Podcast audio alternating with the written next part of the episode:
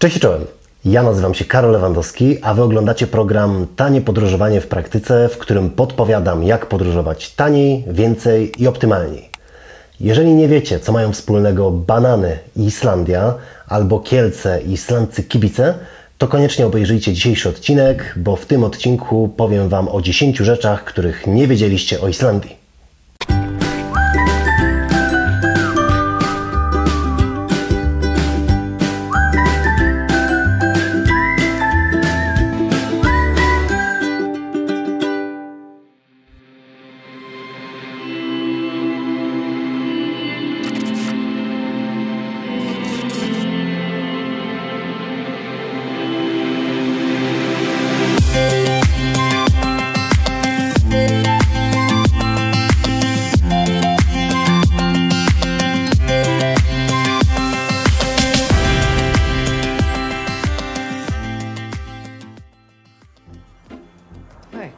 Your costume is pretty. Oh, it's not a costume. I'm an elf. Islandczycy wierzą w elfy. Zgodnie z ankietami przeprowadzonymi w 2006 roku, aż 25% mieszkańców Islandii niezaprzeczalnie wierzy w elfy, a 80% twierdzi, że jest bardzo wysokie prawdopodobieństwo, że elfy faktycznie istnieją i że mieszkają na Islandii. I nie jest to żaden wewnętrzny żart ani sposób na ściągnięcie turystów, bo bardzo często zdarza się tak, że z powodu elfów jest na przykład wstrzymywana albo przekładana budowa autostrady. I bardzo często w takich sytuacjach jest zwoływane specjalne zebranie, na którym mają się wypowiedzieć przedstawiciele rządu, przedstawiciele mieszkańców i przedstawiciele elfów. I dopiero po wspólnie podjętej decyzji decydują, czy w tym miejscu faktycznie można wy- wybudować autostradę, czy na przykład trzeba dać jakiś odpowiedni czas, żeby elfy, krasnoludy i inne niewidzialne istoty się stamtąd przeniosły, czy na przykład w ogóle czas tej autostrady zrezygnować. I być może zastanawiacie się, jak wypowiadają się elfy, skoro są niewidzialne i skoro tak naprawdę no, nie da się ich zaprosić na taką rozmowę. Mianowicie są zapraszani ludzie, którzy mają nadprzyrodzone zdolności i jako takie medium potrafią się porozumiewać z elfami i po prostu przekazują kolejne tematy i kolejne pytania do społeczności elfów.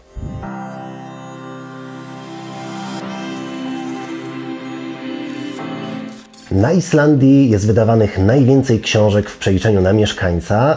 Jest tam też najwięcej pisarzy w przeliczeniu na mieszkańca, bo na tej wyspie, na której żyje około 300 tysięcy ludzi, aż 30 tysięcy, czyli około 10% to pisarze, czyli osoby, które wydały już chociaż jedną książkę. Wynika to z kilku powodów. Po pierwsze, wynika to z tego, że na Islandii jest bardzo duże czytelnictwo, a czytelnictwo wynika z tego, że przez pół roku jest tam ciemno, więc ludzie mają do wyboru albo pić alkohol, albo chodzić na basen, albo czytać książki. Dlatego bardzo wiele osób czyta książki, a sama ilość pisarzy jest też spowodowana tym, że jeszcze parę lat temu rząd fundował specjalne stypendia dla każdego, kto chciałby napisać swoją książkę. Jeżeli ktoś zdecydował się na coś takiego, to przez cały rok miał fundowaną wypłatę i mógł siedzieć w domu i w spokoju pisać swoją książkę.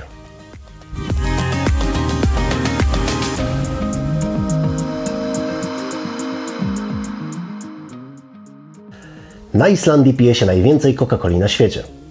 Islandczycy znaleźli się w Księdze Rekordów Guinnessa z powodu rekordowej ilości Coca-Coli wypitej na jednego mieszkańca w ciągu roku.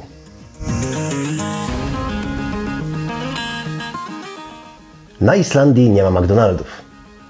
Islandia jest pod bardzo dużymi wpływami Stanów Zjednoczonych i jeszcze do lat 2000 były tam McDonaldy, ale kiedy w 2008 roku Europę i ogólnie cały świat dopadł kryzys, ten kryzys dopadł bardzo szczególnie Islandię do tego stopnia, że McDonaldy po prostu splajtowały. Bo w przeciwieństwie do innych restauracji, McDonaldy zgodnie ze swoją umową musiały importować wszystkie składniki, łącznie z mięsem, z swojej centrali, która akurat, akurat na Europę znajduje się w Niemczech.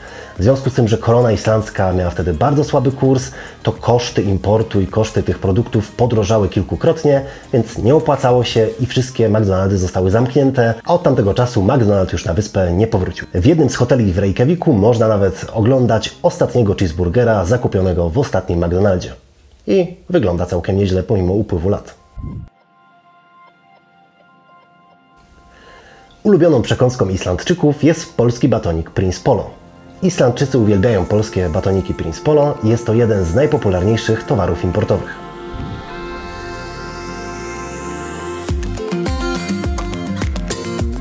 Wpisy w islandzkiej książce telefonicznej są poukładane według imion.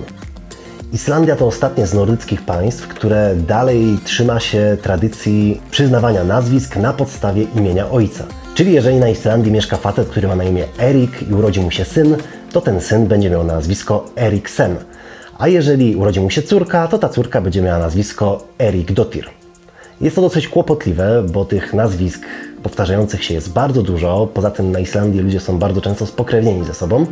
Dlatego, żeby było łatwiej, to w książce telefonicznej wpisy są ułożone według imion i bardzo często do tego imienia dodaje się też zawód danej osoby, czyli na przykład Karol Eriksen Rzeźnik. Tyczy to także obcokrajowców, którzy przyjeżdżają na stałe na Islandię.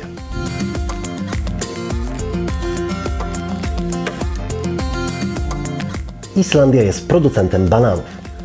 Kiedy popatrzymy na tą krainę pokrytą lodowcami czy pustyniami wulkanicznymi, to pewnie ostatnie, co przychodzi nam do głowy, to uprawy tropikalnych bananów.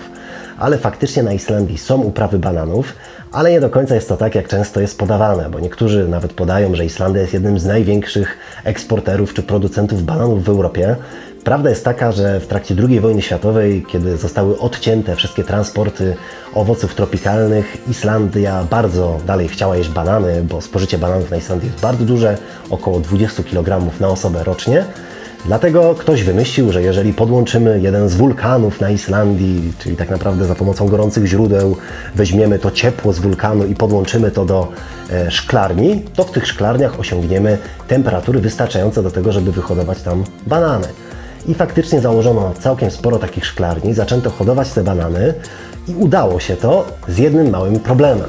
Normalnie banany dojrzewają w ciągu kilku miesięcy, a na Islandii przez to, że słońca jest bardzo mało, dojrzewanie pojedynczego banana zajmowało prawie dwa lata.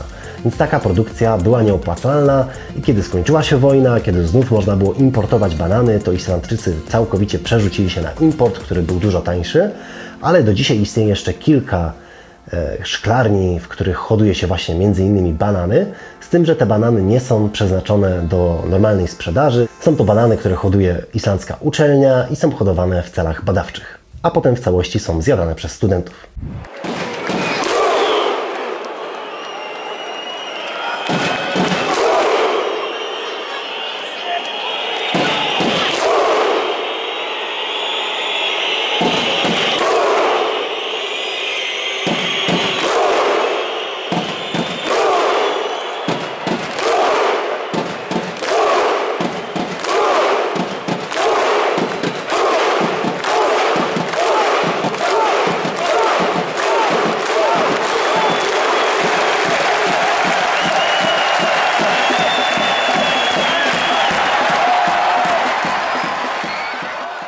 Islandcy kibice zgapili swój rytuał od kibiców z Kielc.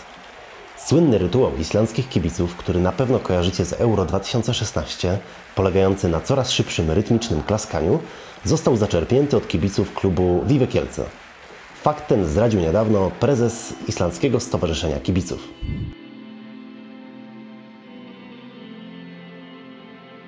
W islandzkich basenach jest obowiązek wykąpania się nago. Przed wejściem do islandzkiego basenu jest obowiązek wykąpania się nago pod zbiorowym prysznicem. Tak jak wspominałem Wam w poprzednim odcinku o Islandii, na Islandii jest bardzo dużo basenów. Islandczycy bardzo lubią spędzać tam czas i traktują to jako takie miejsce do spotkań towarzyskich. I jeżeli wybierzecie się na Islandię, to może Was zaskoczyć to, że bardzo często nie ma tam takich pojedynczych prysznicy zasłanianych kotarkami, tylko jest jedna duża sala, na której jak w wojsku jest bardzo dużo prysznicy dookoła jest wielki znak z informacją, że należy się pod tym prysznicem wykąpać na golasa.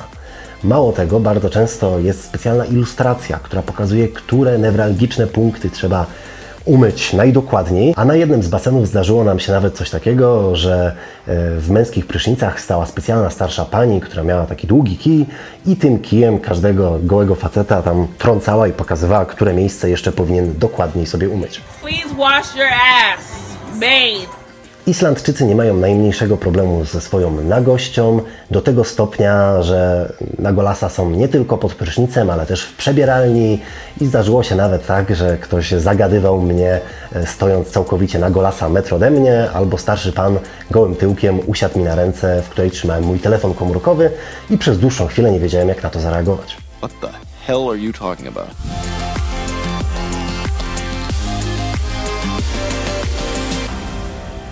Na Islandii jest specjalna aplikacja, dzięki której podczas randki sprawdzisz, czy nie umawiasz się właśnie ze swoją kuzynką.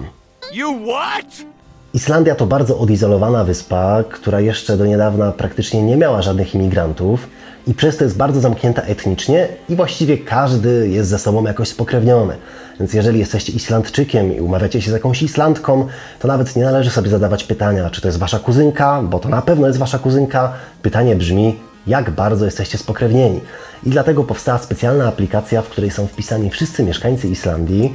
Są tam potworzone drzewa genealogiczne i kiedy w barze spotyka się dwoje Islandczyków, to wystarczy, że przyłożą do siebie swoje telefony i te telefony wyświetlają wtedy informacje, czy pokrewieństwo jest na tyle bliskie, że będzie to już kazirodztwo i wtedy należy wstać i pójść sobie szukać innej koleżanki, czy jednak pokrewieństwo jest o kilka linii dalsze i spokojnie mogą się umawiać.